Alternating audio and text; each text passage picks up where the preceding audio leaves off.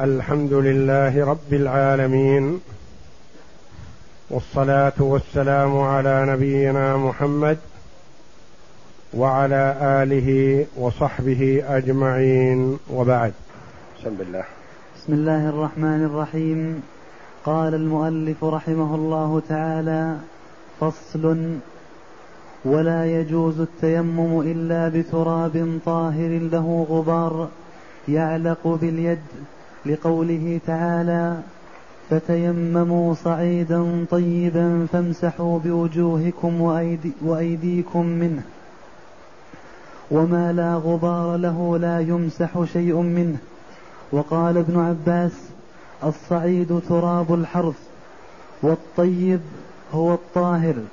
وروي عن النبي صلى الله عليه وسلم أنه قال أعطيت ما لم يعط نبي من أنبياء الله تعالى قبلي.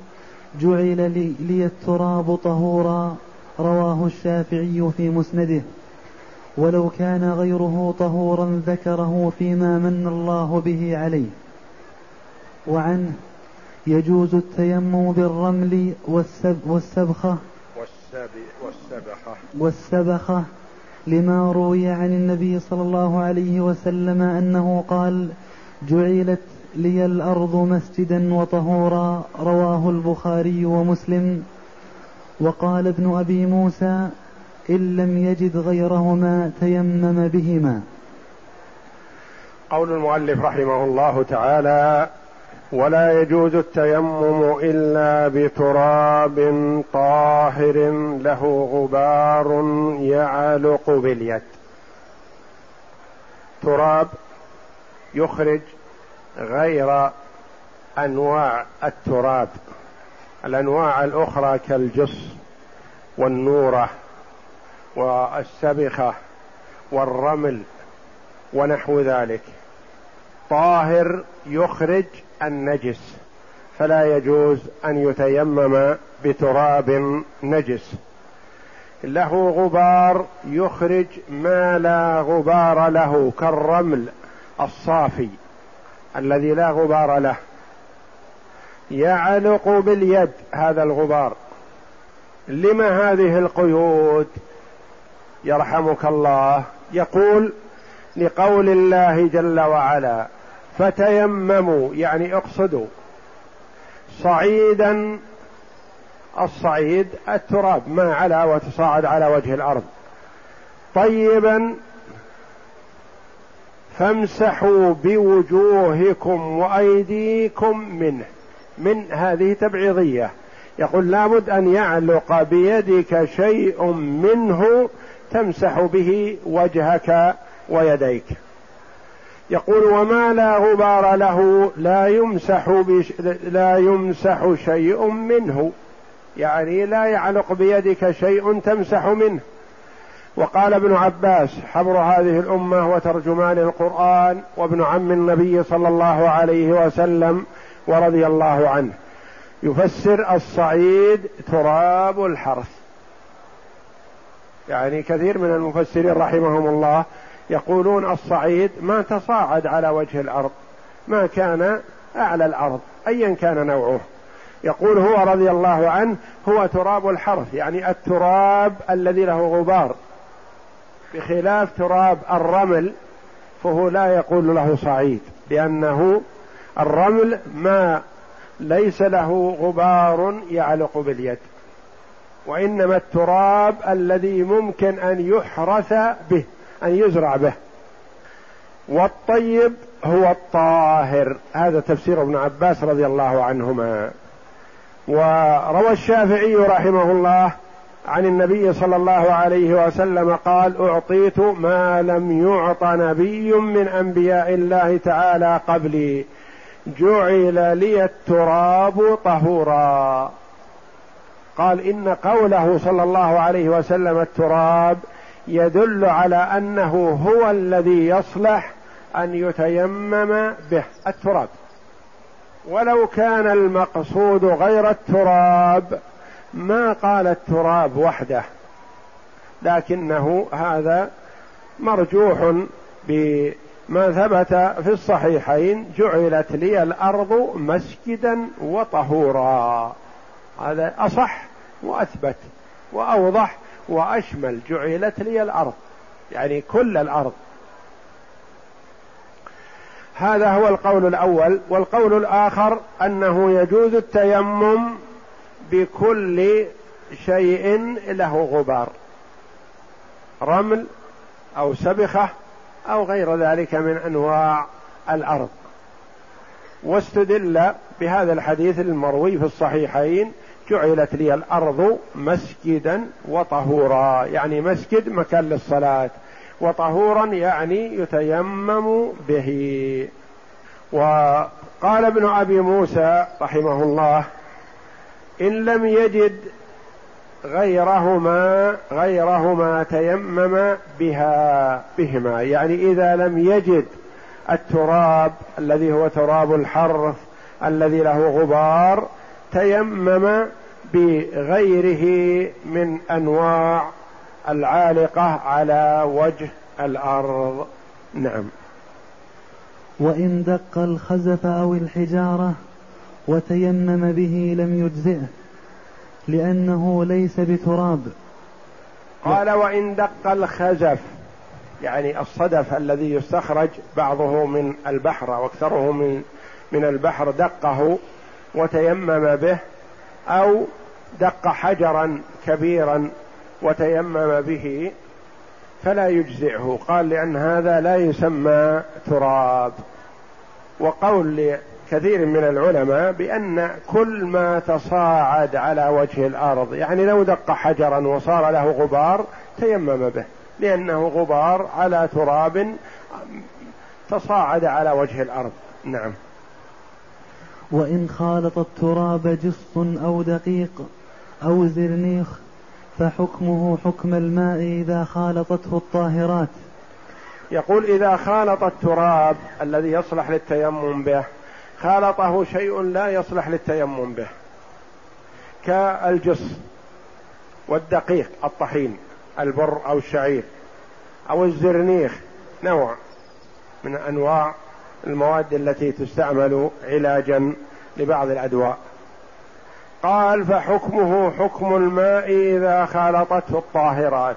يعني إن غلبت عليه ما صح التيمم به وإذا لم تغلب عليه صح التيمم به.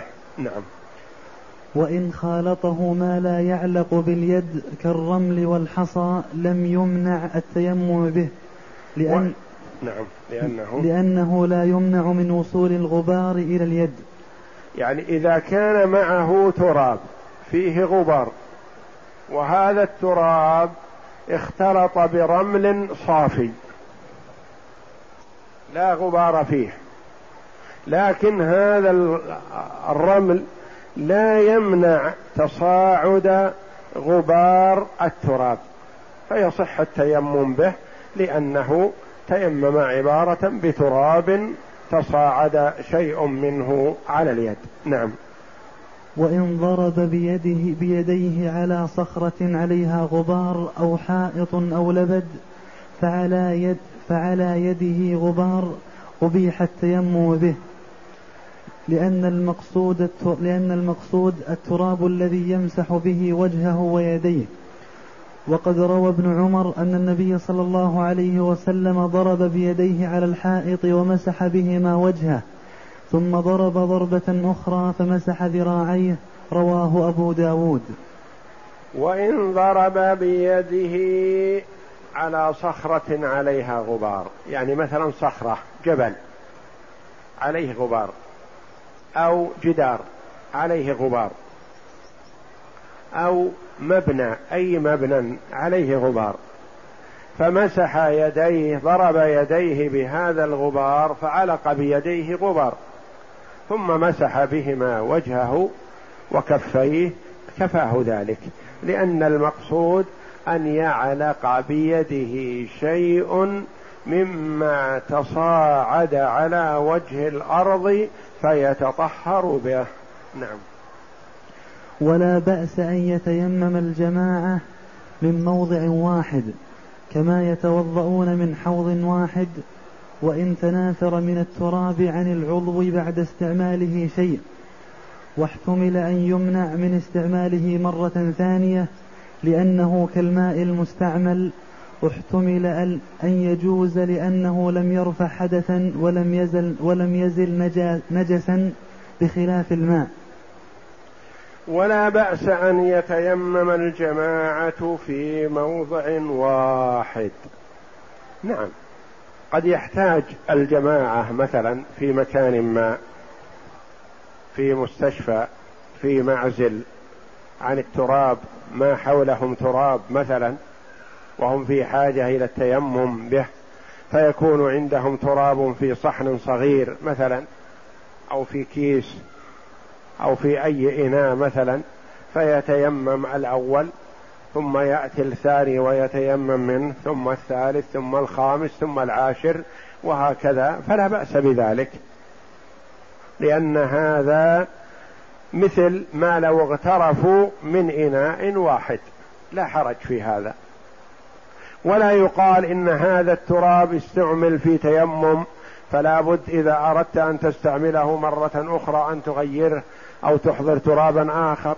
مثلا شخص في المستشفى لا يستطيع أن يتوضأ فأحضر عنده إناء فيه قليل من التراب فأخذ يتيمم منه في كل وقت من الأوقات مثلا. أو جماعة كثيرون يت... كلهم يتيممون بهذا التراب الظهر ثم يتيممون به العصر وهكذا فلا بأس بذلك لأن هذا يؤدي الغرض. قال صورة أخرى. لو تناثر من وجهه وكفيه تراب فجمع. يعني كأن يكون التراب فيه قلة. ثم ضرب بيده الأرض أو المكان الذي فيه التراب. فتعلق بيده تراب. فحته في مكان آخر. فاحتفظ به. هل يصح أن يتيمم بهذا مرة أخرى أو لا؟ واضح الصورة؟ ضرب بيده على إناء فيه تراب وكان التراب فيه قلة. فبدل من أن يضيع هذا التراب الذي علق على يده حتة في صحن آخر ثم مسح وجهه ويديه بما علق على يديه. هذا التراب الذي حتة في إناء آخر هل يصح أن يتيمم به؟ قال احتمالان. احتمال الا يصح لأنه استعمل علق باليد. واحتمال أن يصح التيمم به لأنه لم يرفع حدثا ولم يزل نجسا فهو ماء تراب بحاله. نعم. فصل فإن عدم الماء والتراب ووجد طينا لم يستعمله وصلى على حسب حاله ولم يترك الصلاة لأن الطهارة شرط فتعذرها لا يبيح ترك الصلاة كالسترة والقبلة. وفي الإعادة روايتان إحداهما لا تلزمه لأن الطهارة شرط فأشبهت السترة والقبلة والثانية تلزمه لأنه عذر نادر غير متصل أشبه نسيان الطهارة.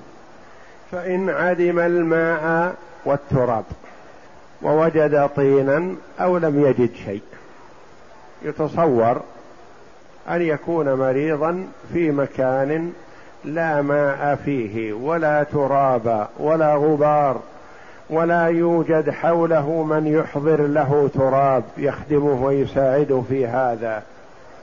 فحضر وقت الصلاة والأرض نظيفة مغسولة أو تغسل في كل حين. ولو ضرب الأرض ما علق بيده شيء. فما الحكم؟ هل يتوقف عن الصلاة لكونه لم يجد الطهور؟ أم يصلي وإن لم يتيمم؟ بل يصلي وإن لم يتيمم فلا يؤخر الصلاة. أشبه ما لو لم يجد سترة لأن الطهارة شرط من شروط صحة الصلاة. وشروط صحة الصلاة كثيرة.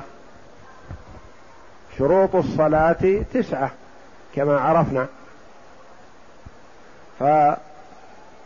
فما وجد واحدا من الشروط هل تسقط الصلاة؟ لا. يصلي على حسب حاله.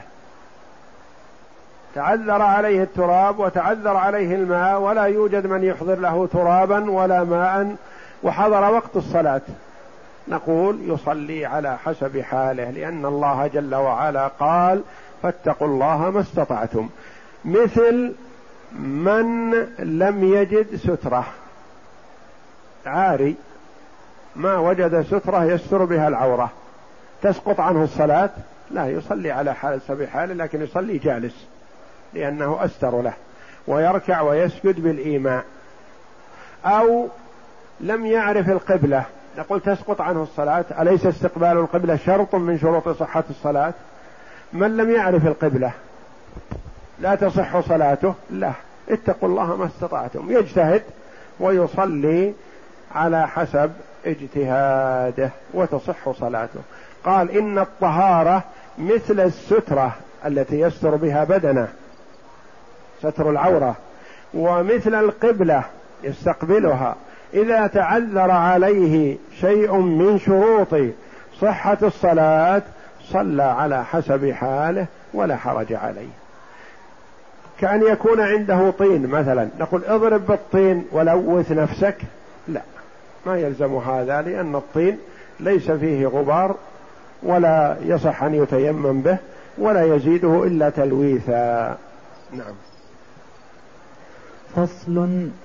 فإن عدم الماء والتراب. ثم هذا الذي لم يجد الماء ولا التراب هل يعيد الصلاة إذا صلى؟ روايتان. قول بأنه يعيد لأنه تمكن من الصلاة بالطهور الذي هو التراب فيعيد الصلاة والقول الآخر ولعله الأقرب أنه لا يعيد لأنه اتقى الله ما استطاع وبرئت ذمته من الصلاة. نعم.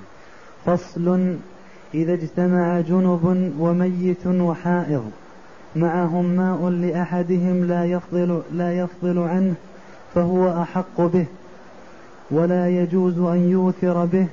لأنه واجد للماء فلم يجزئه التيمم. فإن آثر به وتيمم لم يصح تيممه مع وجوده لذلك. وإن استعمله الآخر فحكم المؤثر به حكم من أراق الماء. وإن كان الماء لهم فهم فيه سواء وإن وجدوه فهو, فهو للأحياء دون الميت لأنه لا لا وجدان له. لأنه لا وجدان له. وإن كان لغيرهم فأرادوا أن يج أن يجودوا أن, يج فأراد أن يجود به. فإن فأراد أن يجود به فالميت أولى به لأن غسله. غسله خاتمة طهارته وصاحباه يرجع يرجع يرجعان إلى الماء ويغتسلان.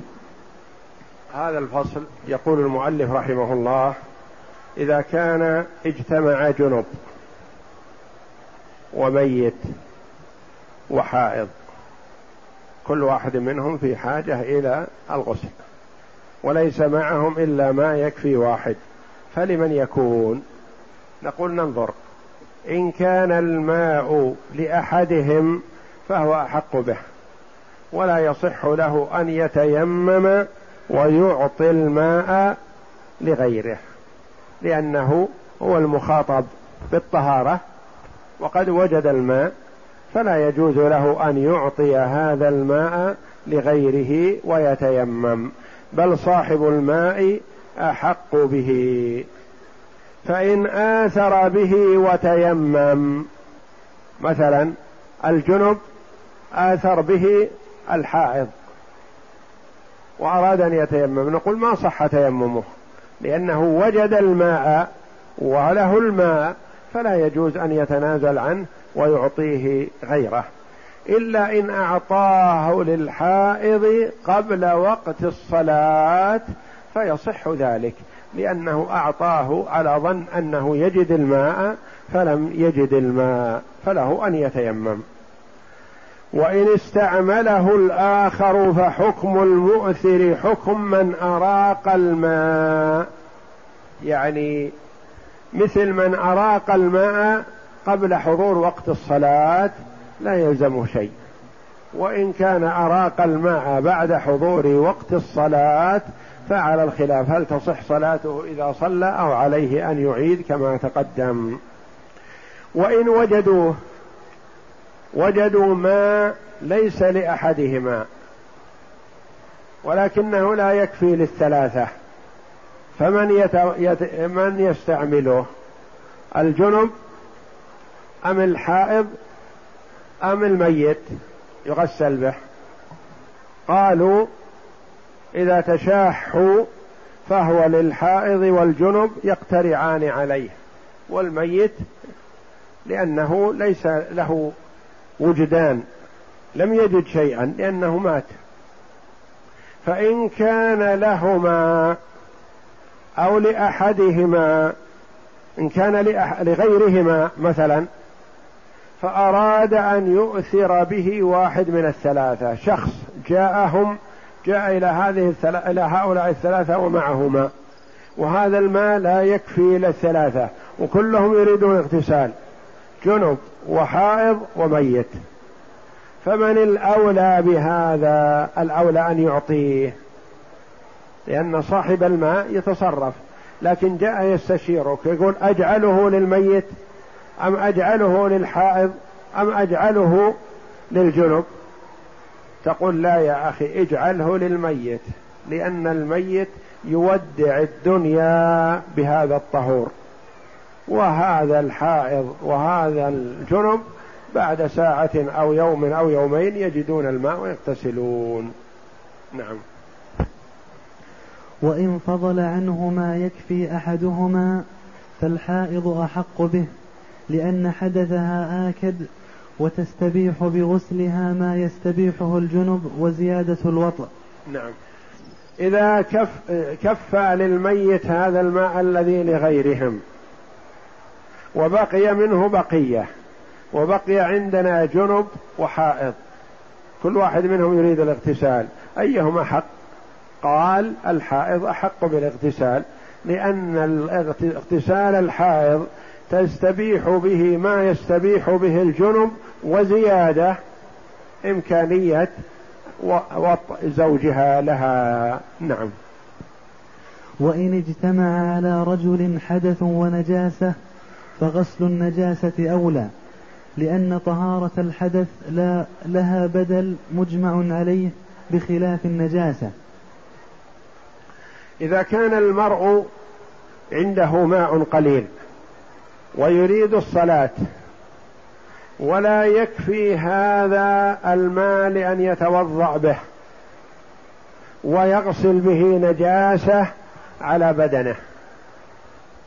إما أن يغسل به النجاسة التي على بدنه وإما أن يتوضأ به.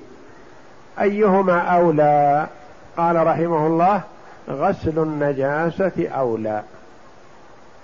لأن الوضوء بالماء له بدل وهو التيمم مجمع عليه بنص القرآن لا خلاف فيه. وإنما الخلاف في إزالة النجاسة العالقة في البدن بالتيمم هذا محل خلاف فالأولى أن يستعمله في إزالة النجاسة ويتيمم للصلاة. نعم.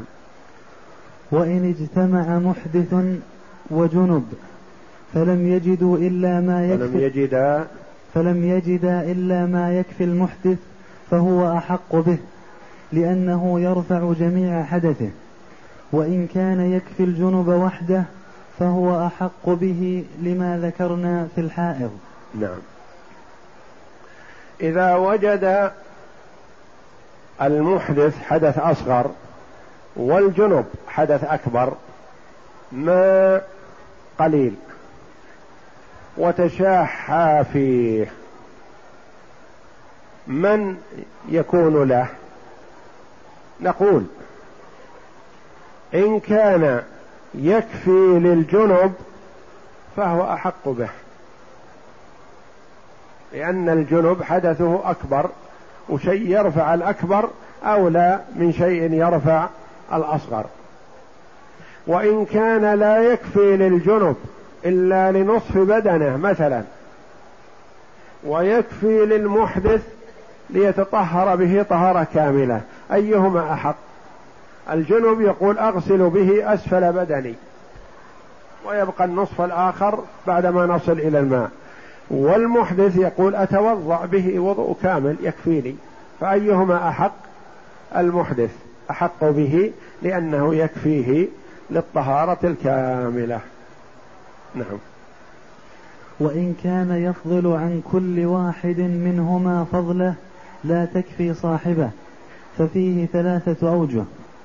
أحدهما يقدم الجنب لما ذكرنا والثاني المحدث لأن فضلته يلزم الجنب استعمالها فلا تضيع بخلاف فضلة الجنب.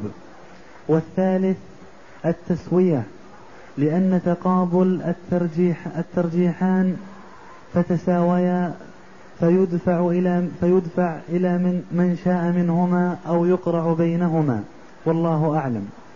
يقول فإن فضل عن كل واحد منهما فضله لا تكفي صاحبه.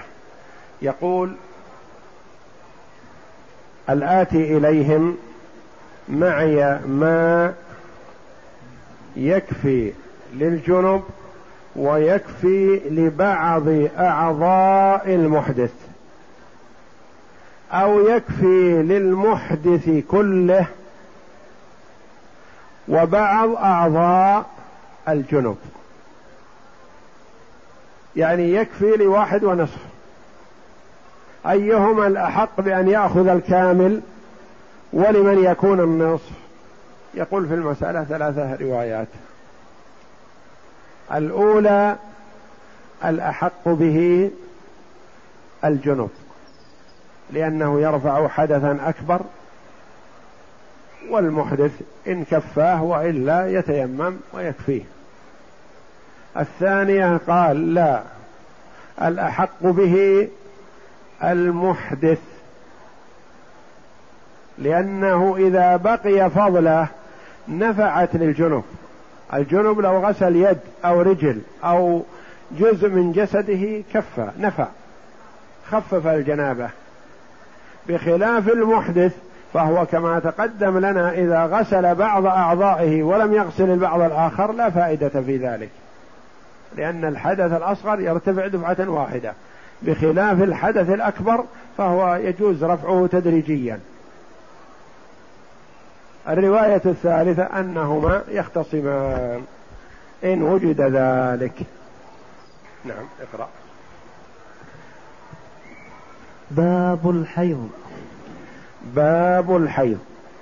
أي هذا الباب يذكر فيه المؤلف رحمه الله تعالى أحكام الحيض وما يترتب على ذلك.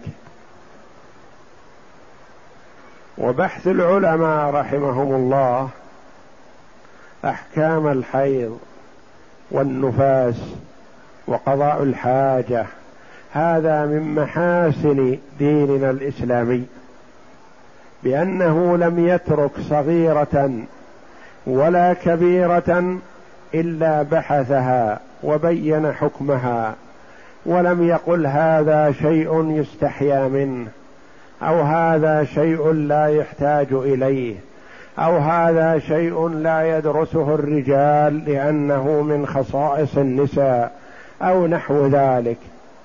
بل ديننا الإسلامي اهتم بكل صغيرة وكبيرة بالإستنجاء والاستجمار والحيض والنفاس وجميع الأحكام الشرعية لأنها تتوقف عليها الطهارة وصحة الصلاة تتوقف على صحة الطهارة وهكذا. فأهم ما في ديننا ينبني على شيء سهل قد يستخف به ولا يستخف بشيء من أحكام الدين. وأم سليم رضي الله عنها قالت يا رسول الله إن الله لا يستحي من الحق. هل على المرأة من غسل إذا هي احتلمت؟ فقال النبي صلى الله عليه وسلم نعم إذا رأت الماء. ولامها بعض النساء منها من لامها ومنهن من غطت وجهها ومنهم ما قالت فضحت النساء. وهي رضي الله عنها قالت قدمت بقولها إن الله لا يستحي من الحق. فيها الاغتسال كما يجب على الرجل. في أوقات معتادة يتعلق به ثلاثة عشر حكما. وهو دم. يرخيه الرحم يعني يخرج من الرحم. وكما تقدم أنه يخرج من عرق من قعر الرحم. بخلاف الاستحاضة فهو عرق في أدنى الرحم. وهذا الحيض جعله الله جل وعلا في النساء لحكمة. إذا حملت المرأة توقف الحيض. أين يذهب؟ غذاء. للجنين في بطنها. إذا وضعت المرأة وبدأت ترضع توقف الحيض. لما؟ لأن الله جل وعلا يصرفه رضاعا للطفل الرضيع. يتوجه إلى الثديين بإذن الله جل وعلا فيكون لبنا غذاء للطفل. فإذا لم تكن المرأة حاملا ولم تكن مرضعا أنزله الله جل وعلا لتستريح منه لأنه لو احتبس لآذاها وأتعبها وإذا ارتبكت عادة المرأة ولم يخرج الحيض في وقته ساءت حالها وضاقت نفسها وأصيبت بأمراض فالله جل وعلا جعل له مخرج إذا اجتمع خرج في الشهر ستة أيام سبعة أيام ثم يتوقف. في أوقات معتادة بخلاف الاستحاضة فهو لا وقت له.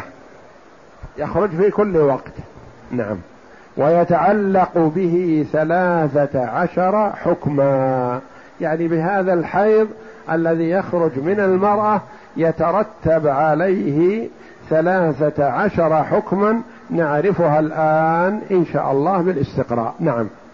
أحدهما تحريم فعل الصلاة لقول النبي صلى الله عليه وسلم إذا أقبلت الحيضة فدع الصلاة متفق عليه. الأول تحريم الصلاة على الحائض. يحرم عليها أن تصلي ولو صلت مع الحيض أدبت وأثمت لأنها متلاعبة فيحرم عليها فعل الصلاة. نعم. والثاني سقوط فرضها لقول عائشة رضي الله عنها كنا نحيض على عهد رسول الله صلى الله عليه وسلم فنؤمر بقضاء الصوم ولا نؤمر بقضاء الصلاة. متفق عليه. الثاني من الأحكام سقوط فرضية الصلاة عنها. يعني يحرم عليها فعل الصلاة ويسقط عنها الفرض. لا تؤمر بالقضاء. لقول عائشة رضي الله عنها كنا نحيض على عهد رسول الله صلى الله عليه وسلم فنؤمر بقضاء الصوم ولا نؤمر بقضاء الصلاة. فالصلاة تسقط عن الحائض في حال حيضها ولا يلزمها قضاؤها ولا يصح لها ذلك. متفق عليه. نعم. والثالث تحريم الصيام ولا يسقط وجوبه لحديث عائشة وقول النبي صلى الله عليه وسلم أليست إحداكن إذا حاضت لم تصم ولم تصلي؟ قلن بلى. رواه البخاري. الثالث من الأحكام تحريم الصيام. يحرم على المرأة الحائض أن تصوم. ولو صامت ما صح منها الصيام واعتبر عبث. ولا يجوز لها ذلك. ولا يسقط وجوبه. لحكمة لأن الصيام الحيض في الشهر مرة أيام معدودة. فلم يسقطه الله جل وعلا عن الحائض كما لا يسقط عن المريض كما لا يسقط عن المسافر. فتقضيه بخلاف الصلاة فهي متكررة وتكثر في كل شهر. فأسقطها الله جل وعلا عن الحيض ولم يسقط الصيام بل وجب عليها قضاؤه. نعم. الرابع تحريم الطواف لقول النبي صلى الله عليه وسلم لعائشة إذا حاضت افعلي ما يفعله إذ, إذ حاضت. إذ حاضت افعلي ما يفعل ما يفعل الحاج غير ألا تطوفي في البيت حتى تطهري متفق عليه. الرابع من الأحكام التي تلزم الحائض في الحيض تحريم الطواف. يحرم عليها أن تطوف. وما السبب؟ ولماذا؟ لقول النبي صلى الله عليه وسلم لعائشة رضي الله عنها إذ حاضت. لأن عائشة رضي الله عنها حاضت في الطريق بعدما أحرمت من ذي الحليفة. مع النبي صلى الله عليه وسلم في حجة الوداع.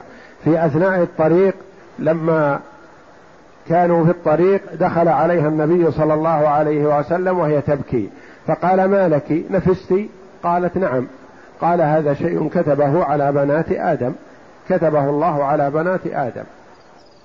وأراد صلى الله عليه وسلم أن يدخل السرور على نفسها بأن هذا الذي حصل لا يمنعها من الحج. فقال افعلي ما يفعل الحاج غير أن لا تطوفي بالبيت. الحمد لله.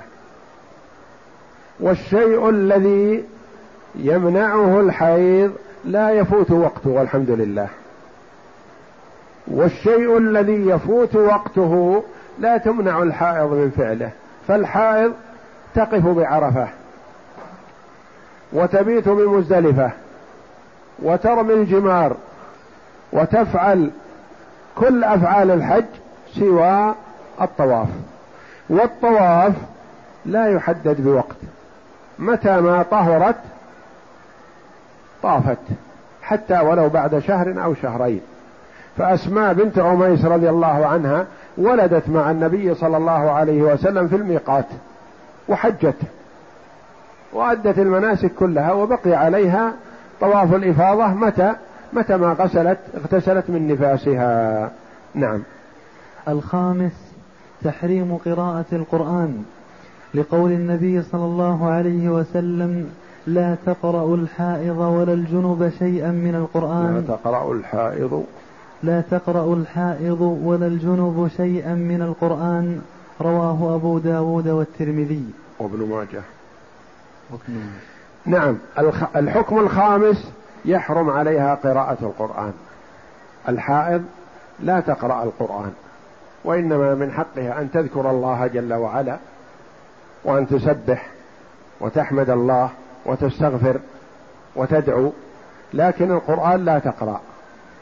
لهذا الحديث بعض العلماء رحمهم الله قالوا إذا خشيت نسيان القرآن أو اضطرت للقراءة كأن يكون عليها امتحان لا يقبل التأجيل فخشيت على نفسها من عدم القراءة بأن تحرم من الامتحان مستقبلا أو نحو ذلك فتقرأ لكن لا تمس المصحف إلا من وراء حائل. تلبس قفازين أو تجعل المصحف على كرسي وتقلب صفحاته بعود أو سواك أو نحوه وهكذا.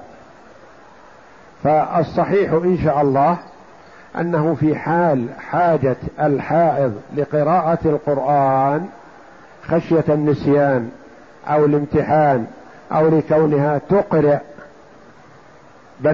بنات أخريات فلا حرج عليها في ذلك. لكن لا تمس المصحف. نعم. السادس تحريم مس المصحف لقوله تعالى لا يمسه إلا المطهرون ولقول النبي صلى الله عليه وسلم لعمرو بن حزم لا تمس القرآن إلا وأنت طاهر رواه الأثرم. نعم هذا هو الحكم السادس لا تمس المصحف لأن مس المصحف لا يجوز لمن عليه حدث أكبر كذلك من عليه حدث أصغر.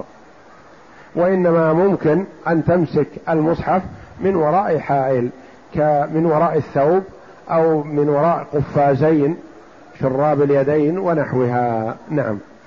السابع تحريم اللبث في المسجد لما ذكرنا من قبل.